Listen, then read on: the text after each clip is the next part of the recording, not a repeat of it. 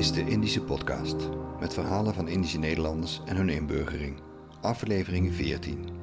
Vera Lid en Rudy Hagenbeek kennen elkaar uit Nieuw-Guinea, waar vandaan zij begin jaren 60 naar Nederland vertrokken. Ze verlieten dit paradijselijke oord voor een onbekende bestemming. Het vaderland was hen immers niet vertrouwd. Toch wisten zij zich hier een plek te veroveren en kijken terug op een geslaagde inburgering. Wij zijn van Manokwari met een klein vliegtuig naar Biak gegaan. Daar hebben we ons uh, in een groter vliegtuig ingescheept met allemaal gezinnen met heel veel kinderen.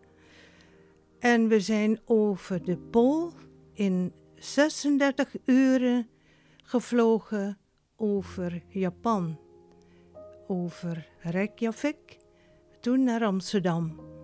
En we kwamen in augustus hier aan en wij hadden het heel koud omdat we allemaal zomerkleren aan hadden. We zijn toen met een bus naar Wezep gereden en opgevangen in een kazerne. En het was te koud, het water was koud, dus alle baby's die verschoond moesten worden en gewassen, die begonnen te krijsen. En voor de rest vond ik het heel fijn in Holland, want buiten de kazerne stond een hele grote patatkraam. En dat was mijn eerste herinnering aan Holland. En voor de rest herinner ik me heel weinig van die overtocht, want het was heel kort.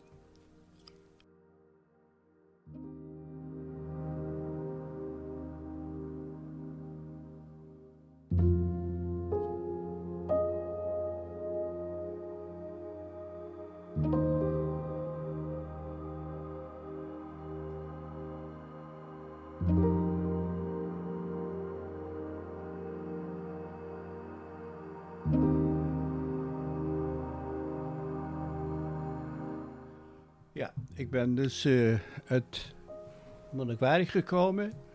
We hoorden geruchten van, van infiltraties enzovoorts. En toen even, mijn vader was politieman. En een van zijn bazen die zeiden van, als je weg kunt gaan, moet je nu weggaan, nu het nog maar kon.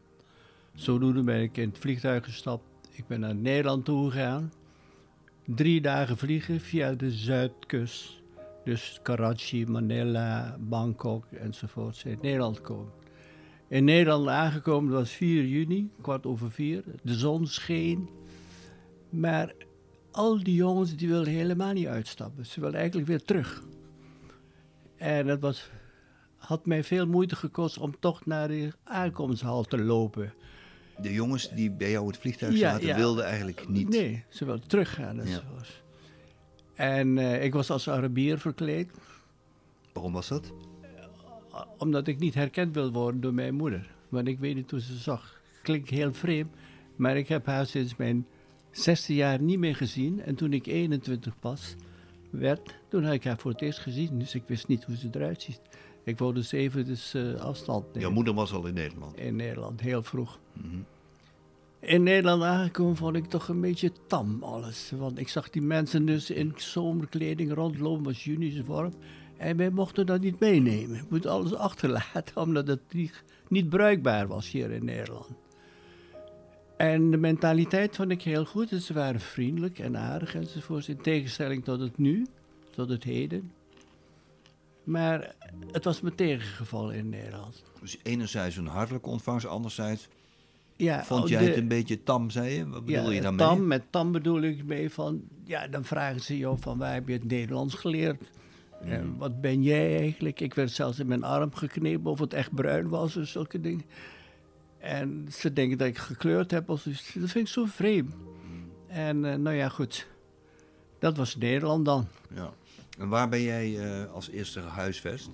Uh, mijn moeder heeft me afgehaald. Mm -hmm. En we gingen toen naar Nunspeet.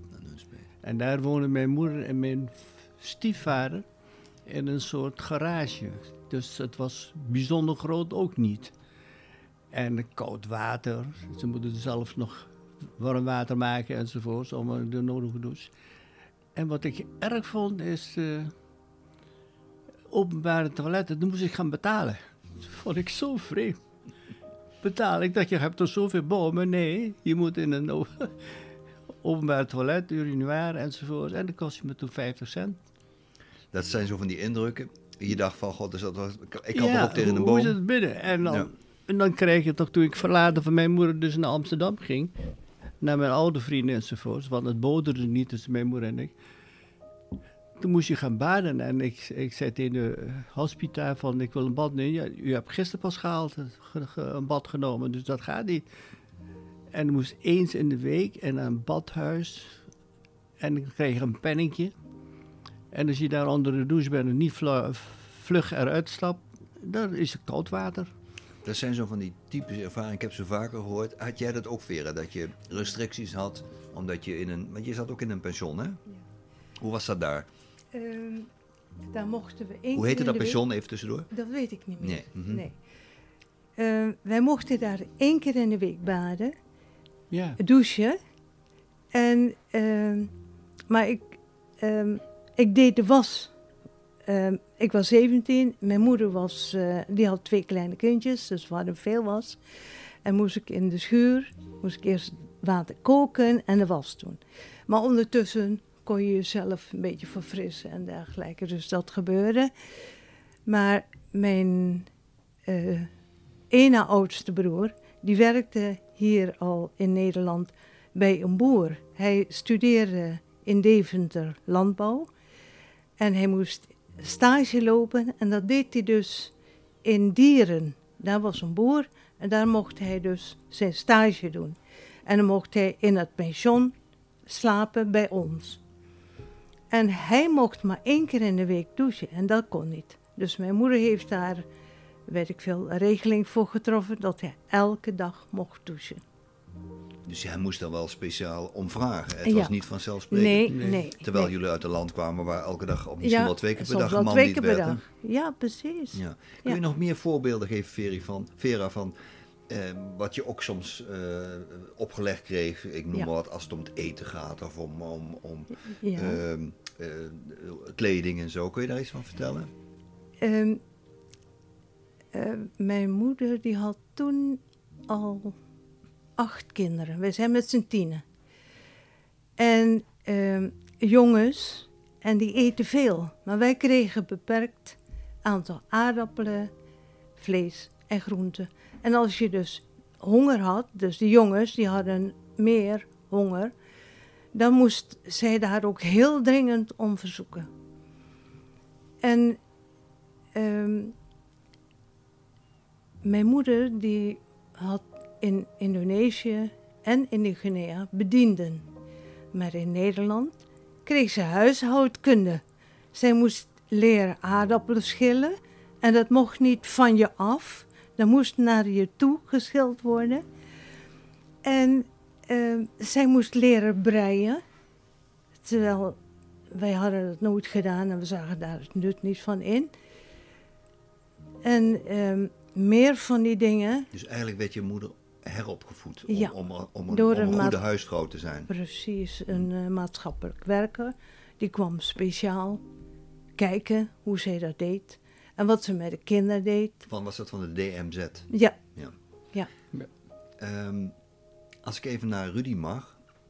Eh, Jij hebt niet in een pension gezeten, Rudy, want Nee, jij bent eerst was- bij je moeder gaan wonen, maar Ja. daarna ben je vrij snel uit huis gegaan. Ik ben vrij snel uit huis gegaan. En eh, op de wilde vaart. Ben vrij snel uit huis gegaan. En eh, ja, in Amsterdam hebben we dus even bij een mailfabriek gewerkt. Vijf jongens. En toen zijn we aan boord gestapt, want ik kreeg al heel gauw kreeg een oproep van het leger dat ik de dienst in moest gaan. Ja. Nou, dus voor mij, het militarisme is helemaal niks voor mij. Dus we zijn met z'n vijven aan boord gestapt. Van een koopvaardijschip. Van een tanker. Van een tanker. Van een tanker.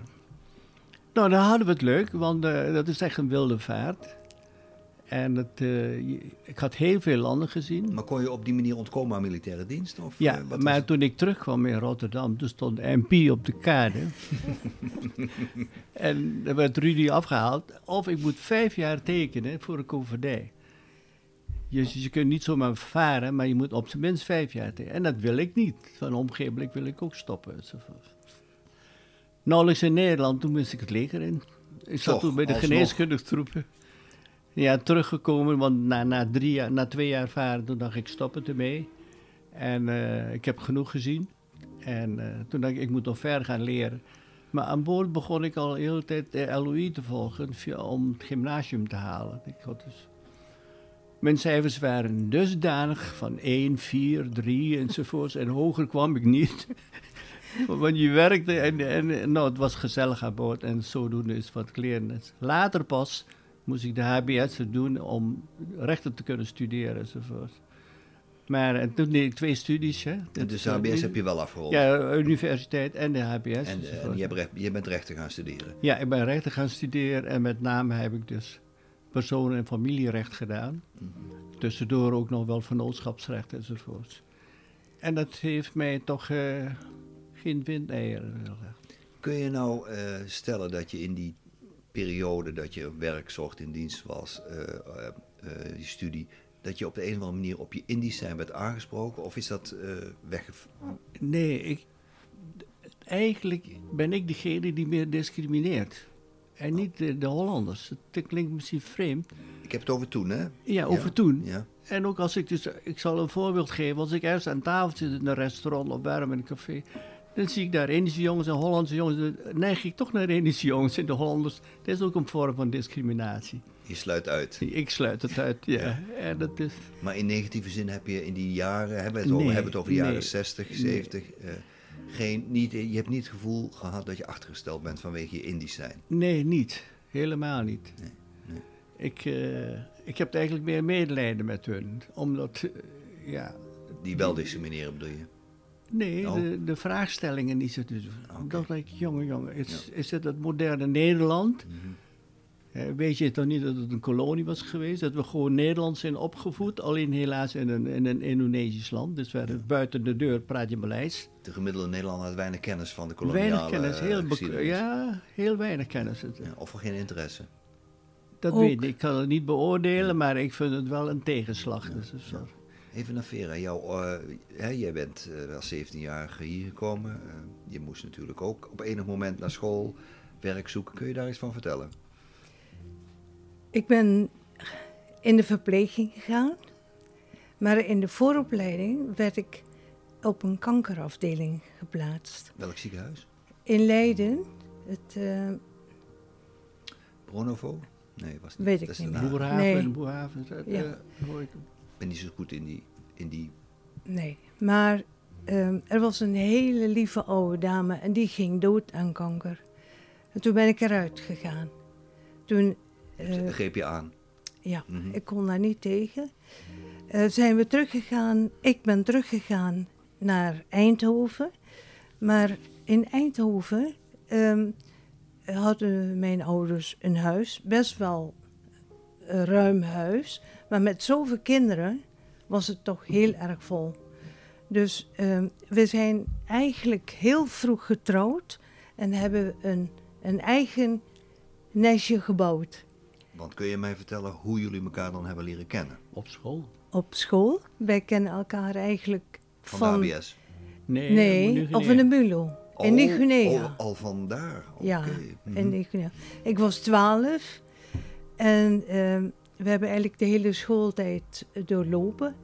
Ik ben na school ben ik nog aan het werk gegaan. Eerst bij een houtfabriek en later bij het boswezen. En toen moesten wij op stel aan sprong vertrekken. Het was eigenlijk onverwacht. En ehm, de informatie was heel slecht. Eh, we hadden zomerkleren en die moesten we maar daar laten, want dat kon je in Holland toch niet Ja, dat is gebruiken. wat Rudy ook zei. Precies. Terwijl hier iedereen in zomerkleding liep, Ja. zat- had jij een dikke trui aan. Ja. Precies, wij moesten dus ehm, hier in Nederland opnieuw beginnen. We kwamen met een koffertje en alles achterlaten. Maar ik heb dat nooit eigenlijk ehm, zoals negatief ervaren. Alles was nieuw, alles was een avontuur. En ehm, wij waren eigenlijk positief gediscrimineerd. Wij waren in een heel klein dorpje in Elkom en iedereen was nieuwsgierig. Wie waren die bruine mensen?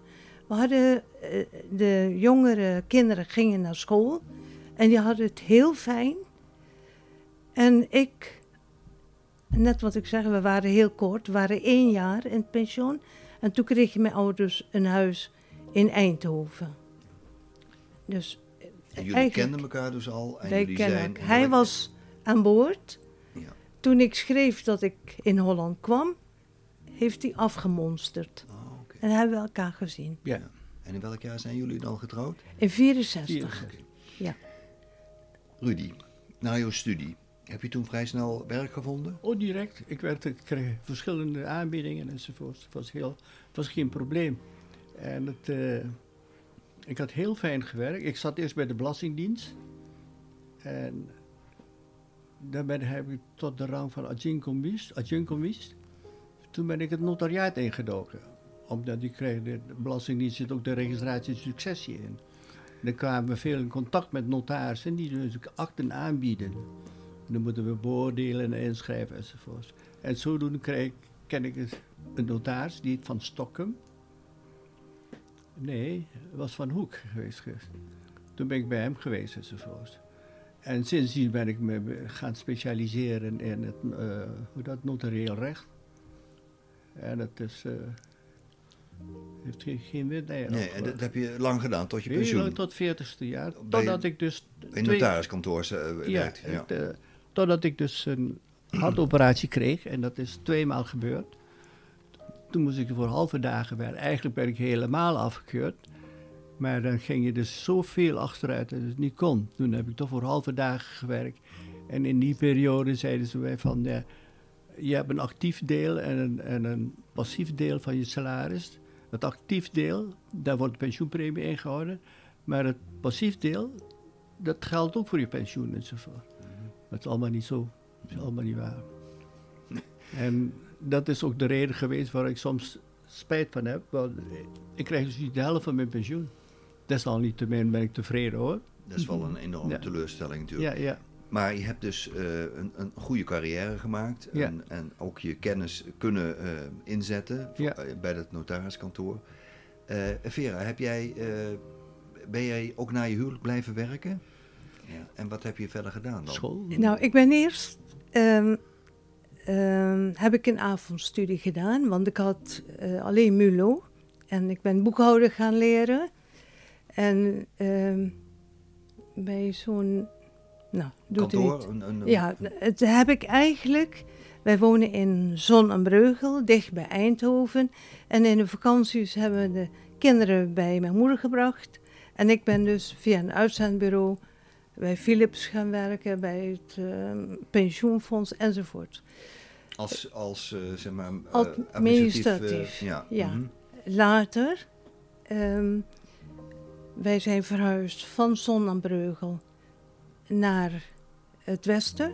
We zijn, ik sla maar Sint Maarten over. Want Zijn eh, we hadden inmiddels kinderen? Ja, twee. En in, later is ze de zoon bijgekomen. Wij zijn via Beverwijk zijn wij naar Deventer gegaan. Kolmsgaten was een wijk. En vandaar zijn we naar Millingen aan de Rijn. Hij had een eh, goede baan bij notaris van de Heide In En de kind- Nijmegen. Beek. in Beek. En de oudste kinderen gingen naar de middelbare school. En toen zeiden wij, we kunnen nou niet meer verhuizen. Nee. Want de kinderen moesten hun opleiding volgen. En toen heb ik een, een, een baan gezocht. Ik heb nog bij Smit Transformatoren gewerkt. Nijmegen. Steeds via een uitzendbureau. Totdat ik bij een school aangenomen werd bij het Elshof College. En daar Mhm. Ook in Nijmegen? ook ja. in Nij. Mhm. En dat is later Kandinsky College geworden. En daar ben ik eigenlijk min of meer positief gediscrimineerd. Ik was een herintredende vrouw. Ik, was een, ik had een migratieachtergrond. En ik, was jong. Nou, daar heb je toch een voordeel kunnen halen. Heb uit- ik uit je afkomst. 27 jaar gewerkt. Ja. Met heel veel plezier. Ja. En ehm, ook tijdens dat werk, eh je zei ik ben eigenlijk positief eh, eh, voorgetrokken, eh, Ja. min of meer. Heb je in die periode wel iets meegemaakt als het gaat over eh, dat je aangesproken bent op je Indische afkomst of je niet helemaal Nederlandse afkomst? Alleen positief. Ja. Ja, ze waren natuurlijk heel nieuwsgierig. Hoe doe je dat? En wat eet je? Maar eh, het onderwijspersoneel heeft een goede opleiding. Die wist er veel meer van dan normaal. Maar wij waren eigenlijk in ons dorp eigenlijk eh, niet echt gediscrimineerd, maar we hoorden er nooit bij. Er was import Ah, Oké. en er was Het had gewoon ermee te maken dat je niet eh autochtoon was, zeg maar. Dat je niet uit het dorp kwam. Uitsluiting. En dat was Ja. in Beek, Millingen zei? Millingen, Ja, ja, ja. ja. Wonen er nog meer Indische families in Millingen? Ja, heel veel. Ja. Het gekke is eigenlijk dat ze geen contact met elkaar opnemen. Er zijn, ehm, ik ken nu heel grote families die daar wonen, maar die ken ik eigenlijk niet vanaf het begin. Nee. Maar ik moet ook zeggen, omdat ik werkte, had je eigenlijk ook niet zoveel tijd. Ja, de kinderen waren er, ze hadden hun school, hun sociale leven en eh, hij had een hele drukke baan. En, Denk dit ook aan vreemdelingenrecht, hè? ja. Heel vaak. Erbij. gezegd. Je Erbij. hebt ook eh, mensen bijgestaan die... Ja, eh, zeker. en dat is, daar heb ik ook een voordeel voor mijn, voor mijn donker zijn. Ze bij de rechtbank komen enzovoort, er wordt er iets gezegd. En dan hebben we het niet zo overlegd. Dat doe ik net of ik niet begreep. wat iemand zei. Je hebt ook een beetje een Dan maak je misbruik Ja, van de nou, situatie. handig gebruik Oh, dus. ja. En zo ga je dus een beetje met elkaar overleggen. enzovoort. Dan weet je precies wat voor een antwoord je geeft. Maar je had ook met het asielrecht, of vreemdelingenrecht te Ja, maken. ja. Dus de heel mensen veel die vre- hier uit, eh, uit, China, uit Hongkong kwamen. Ja, ja, krijgen. ja, ja. ja, ja. En het vreemde toen van China was, en ik vond, voor mij is het leuk, ze krijgen wel een uitreisvisa, maar geen re-entry permit. Dus zodoende blijven ze hier altijd. Ja, ja, ja, ja. ja. Dus Ja. ze zijn eigenlijk... eh, het is eigenlijk onmogelijk geworden om terug te gaan naar hun land. Ja, kijk maar naar, naar de Turken en de Marokkanen. Ze verliezen hun paspoort nooit, hun nationaliteit. Eenmaal geboren blijf je het zo. Oké. Voordat ik eh, naar het, eh, meer naar het heden ga, wil ik aan jullie vragen, en ik begin bij jou Rudy. Ehm, Indonesië, ben je daar nog teruggekeerd? Welke rol had Indonesië nog in jouw leven? Nou, eh, ik kwam hier en ik zal geen namen noemen. En daar hebben ze een vrouw die had zoveel kinderen daar. En die heb ik toen hier allemaal in Nederland binnengehaald. Op grond van mijn ervaring met die Chinese vreemdelingen pas ik toe op de Indonesië. Je hebt Indonesië, mensen met een Indonesische nationaliteit. Nee, eh, Indischen. Indisch. Je hebt ook spijt op tante bedoel je? spijt op tante. Oké. Ja, daar heb ik toen heel veel binnengehaald enzovoort. En het, eh, Dat is nog in, zeg maar, tot ver in de jaren zestig is dat doorgegaan. ja, dat klopt, dat klopt enzovoort. En, hoe ging eh, dat dan in zijn werk? Want die spijt op tante, het woord zegt het al, ze hebben geopteerd voor Ja. een andere keus. Juridisch zou je alles verloren hebben. Maar er zijn natuurlijk omstandigheden waardoor je dat moet zeggen enzovoort. Je kunt niet zo allemaal over één kam scheren. Er zijn gradaties daarin, waarom ze dat gedaan hebben enzovoort. En het, eh, ja, Maar in welke, in welke zeg maar, eh, rijkwijde zitten dan mensen die aanvankelijk eh, zeg maar BNI zijn geworden? ja, Die hadden daar spijt van Ja. en die wilden dus het Nederlanderschap opnieuw Ja. aanvragen. Maar opteren. Op welke grond werd je dan wel toegelaten en welke grond niet? Nou, op de eerste plaats heb je een, zijn gradaties. Als je dus getrouwd bent met een Indonesiër, dan mag je dus eh, binnen een jaar dat het, dat het huwelijk ontbonden is, mag je je nationaliteit herroepen. De oudste nationaliteit. Dus in dit geval Nederlandse. Vroeger werd zij automatisch Indonesische of omgekeerd. En op grond daarvan en op grond ook van, van hun, hun achtergrond. Ze voelden zich eigenlijk nooit opgenomen. Het is een tweede discriminatie geweest. Ja. Maar ik vind dat de Nederlandse regering, daar heb ik altijd aan de stok met hun. Die deden niks voor hun. Dan bestaat toch heel slap. gedaan. Ze waren eigenlijk niet echt welkom. Nee, ze waren geen volksvertegenwoordigers daar als zoiets. Helemaal niet. En het, eh, dat, er, ja, dat ervaar je nu ook. Kijk, kijk maar naar die, die toeslagenaffaire. Zo behandelen ze daar de Indische Nederlanders dus ook. Ja. Met het confisceren van het geld. Dus het precies hetzelfde. Al haar oma die had huis enzovoorts en de familie. Daar heeft Indonesië in 1968 al 60 miljoen voor neergeteld. Met het verzoek aan Nederland om de Nederlanders te betalen die daar gezeten hebben. Omdat ze hier allemaal zitten, wat logisch is. En dat geldt dus nooit bij de... Jawel, Nederland heeft dus in een landelijk dagblad, dagblad uh, ingeschreven en in de staatscourant. Mhm. En het is twee jaar geldig. Konden mensen dus een, een aanvraag doen? Aan de aanvraag doen. Wie leest nou de staatscourant? Ja. Dus dat moest je rondspreken in de gemeenschap, maar dat was natuurlijk ook Precies, er staat wel, je wordt geacht de wet te kennen, maar dat is niet waar. Omdat de wet gepubliceerd wordt, had je kennis kunnen nemen. Ja, maar als daar verder geen campagne nee, achter zit helemaal of niet, uh, ja. in voorlichting, dan... Ja, uh, precies. Ja. En dat... Uh, maar hoeveel mensen heb je nog kunnen helpen dan om, oh, om uiteindelijk in Nederland... Veel. Ik heb hier nog stukken die eigenlijk teruggegeven worden, maar dat is hun Indonesische nationaliteit. Die heb ik dan maar gehouden enzovoort. Als uh, naslagwerk van wie het gedaan. Ja. Ettelijke. Ja. God, dus, dus Rudy, je bent nog best lang met Indonesië en met je landgenoten bezig ja. geweest. Hoe, hoe staat het met jou, Vero? Wel, welke band had jij nog met Indonesië? Of heb je Weinig. nog met Indonesië? Mm -hmm. Weinig. Um, ik had het heel druk met assimileren. Hè, want uh, de Nederlandse gebruiken. Ik heb een poosje in de huishouding geholpen. Bij een doktersvrouw en zo. En um, ja, hoe zij het huishouden deed. En uh, ja, daar heb ik eigenlijk ook min of meer geleerd. Omdat, ja, dat hele precieze, dat, die Hollandse poetsmentaliteit, heb ik daar eigenlijk op gedaan. Ja. ja. Je bent een soort heldermintje ook geworden. Ja, ik, ja, ja, ja. Heb ik niet lang volgehouden. Ook omdat zij, uh, ja, ze had geld zat en ik had het geld nodig. En ze was niet zo vlot met betalen. Dus ja, toen heb ik het voor gezien gehouden. Ja. ja. Maar Indonesië, want jullie zijn wel een keer terug geweest, maar Indonesië heeft voor jou niet echt meer een rol gespeeld. Althans, nee. niet meer in die mate nee. waarin het voor nee. jullie... Uh... We hebben wel een reis gemaakt om uh, met een groep om onze geboorteplaatsen op te zoeken. En uh, wij zijn dus naar Surabaya geweest, omdat ik daar geboren ben. En het was een geweldige ervaring. Ja, toen was het rijk. Er waren grote winkels. En ons huis is bewoond door een, een militair. Militair, Angkatan Laut, is door een luitenant ter zee van de marine. En het was heel mooi. Het was goed onderhouden. Wat ik wel vond was, uh, rondom onze tuin was niets. En nu was er een heel grote muur en glas op de muur. Mag ik, eh, beveiliging. Beveiliging. Ja. Het adres van Vera in, in Surabaya. Ik ging daar toen heel veel. We hebben ook daar het, over de Chinese ambassade hebben geprocedeerd. En toen ben ik naar Surabaya toe gegaan. En dan heb je ergens, ik weet niet meer hoe die straat, in midden op straat, heb je een kadasterkantoor. Een kadasterkantoor.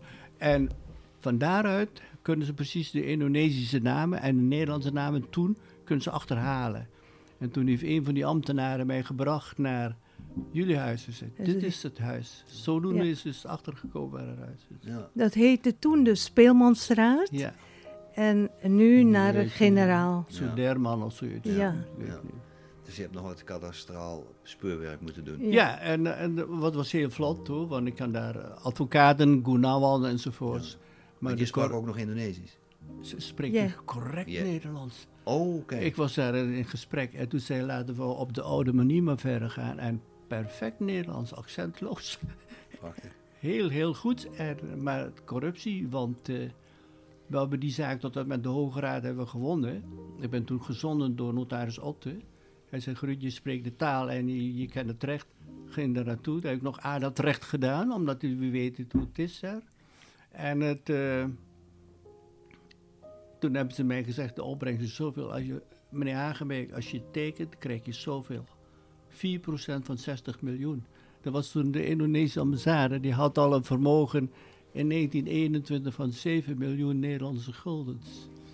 Dus de gebouwen, de, de grond is geconfiskeerd, maar de gebouwen niet. Dat is weer typisch in Indonesië. Maar ik wist niet dat het een Nederlandse wetgeving was. Dat de, eh, hoe dat, een, eh, orang asin, die kan dus, een buitenlander kan daar geen huis kopen, omdat het verboden is bij wet. Maar het is een Nederlandse regelgeving. Ja. Het huis wel, maar niet de grond. geloof Ja, ja, ja. Ehm, dus op een of andere manier is voor jou wat minder Indonesië, maar jij hebt toch ook best lang ook beroepsmatig daarmee bezig geweest. Als je nu in deze fase van je leven zit, hè, ehm, alle twee gewerkt, maar uh, inmiddels al een paar jaar met pensioen.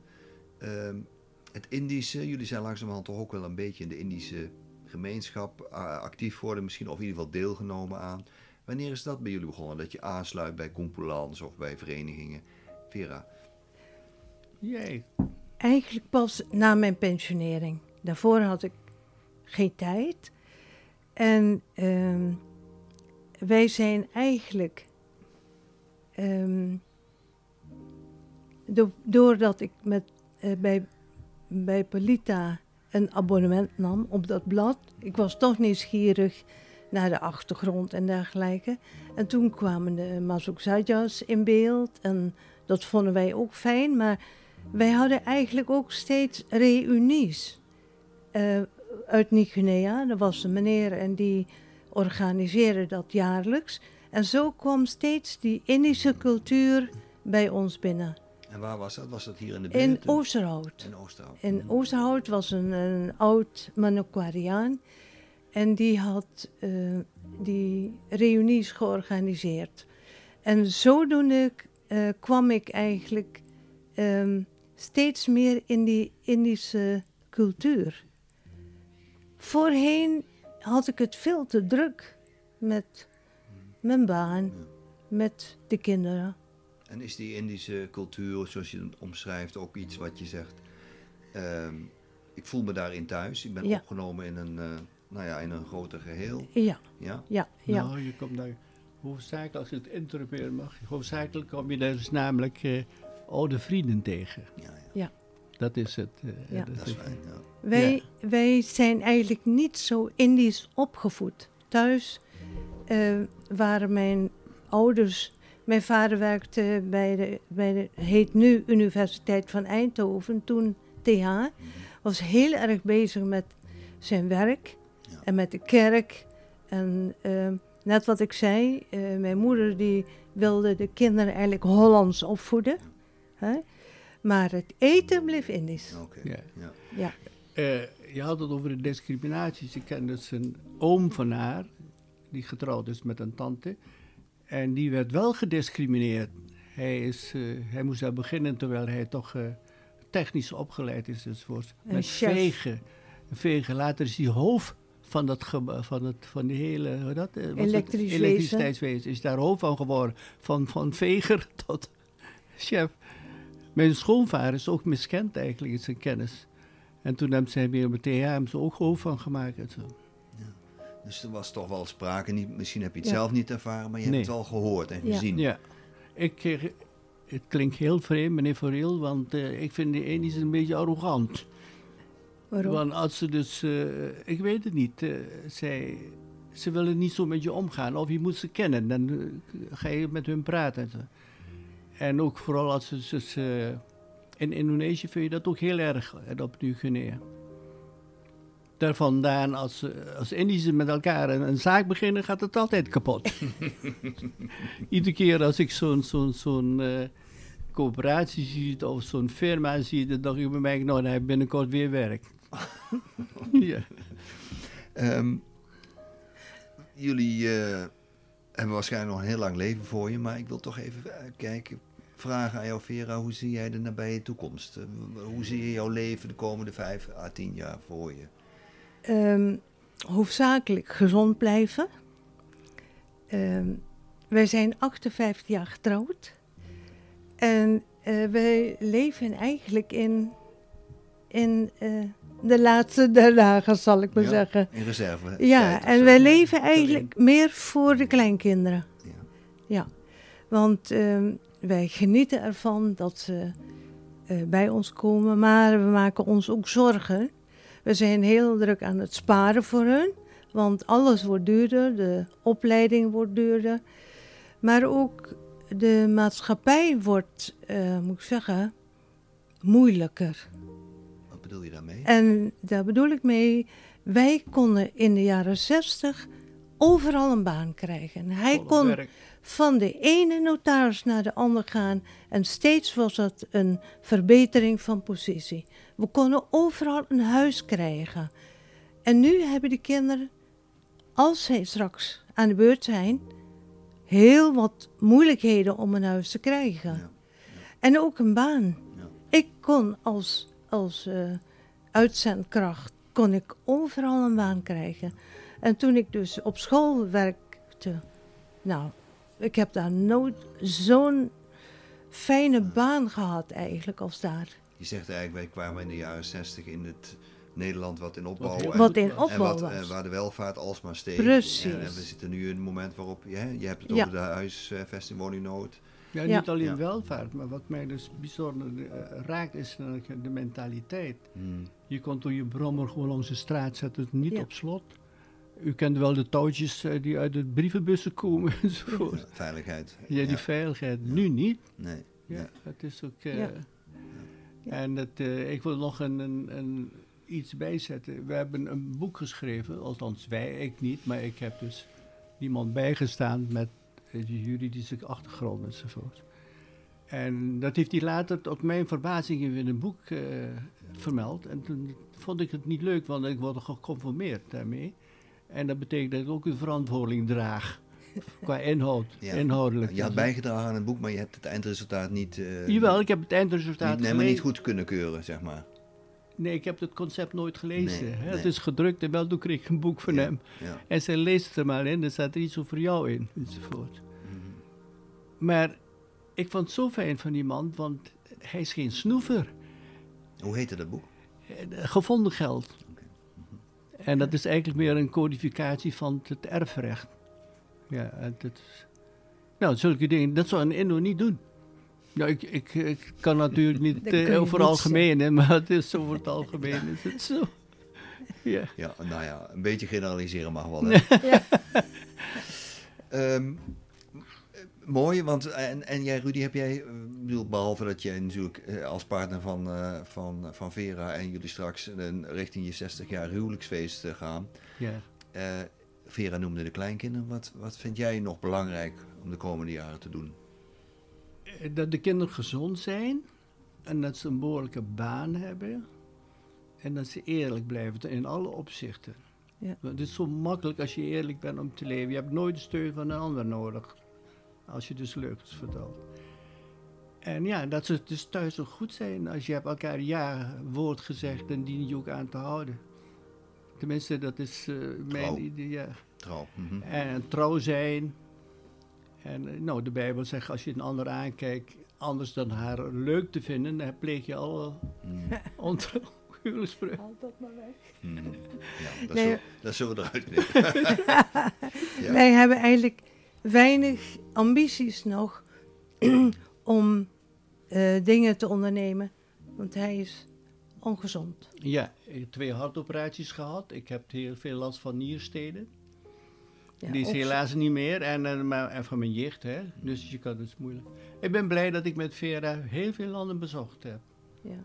Ja, we hebben dus eh, En- heel veel gereisd. Tot slot, ehm, de COVID-periode. Hoe hebben jullie die doorgebracht? Saai. Saai, zegt Vera, ja? Nou, ik heb eh, nee, niet zoveel moeite mee gehad. Hè? Mm. Nee, wij zijn eigenlijk, eh, we hebben ons geïsoleerd.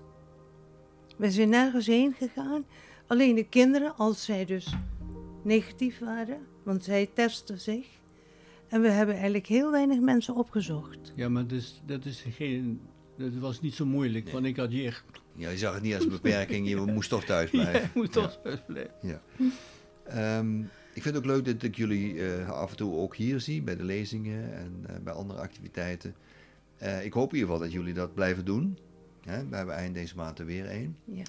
Ehm, ja, nog een famous last words, zeggen ze. Hè? Heb je nog een laatste mededeling of wens voor onze luisteraars? Ik kan er niet zo op komen. Nee. Ik heb er vele, maar het is... Nou, ik, ik wens? Ja. dit eigenlijk, eh, ehm, dit Indische gebeuren, dit geeft ons ook een heleboel eh, gezelligheid.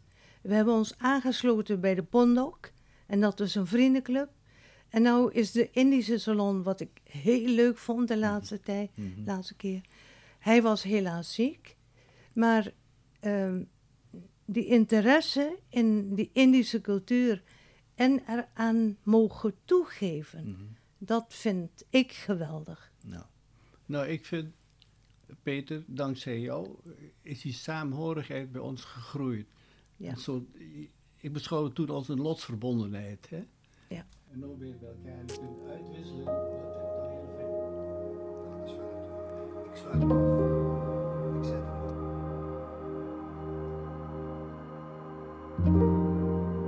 af. Dit was de Indische Podcast. Presentatie Peter van Riel. Ga voor meer informatie naar www.belita.nl.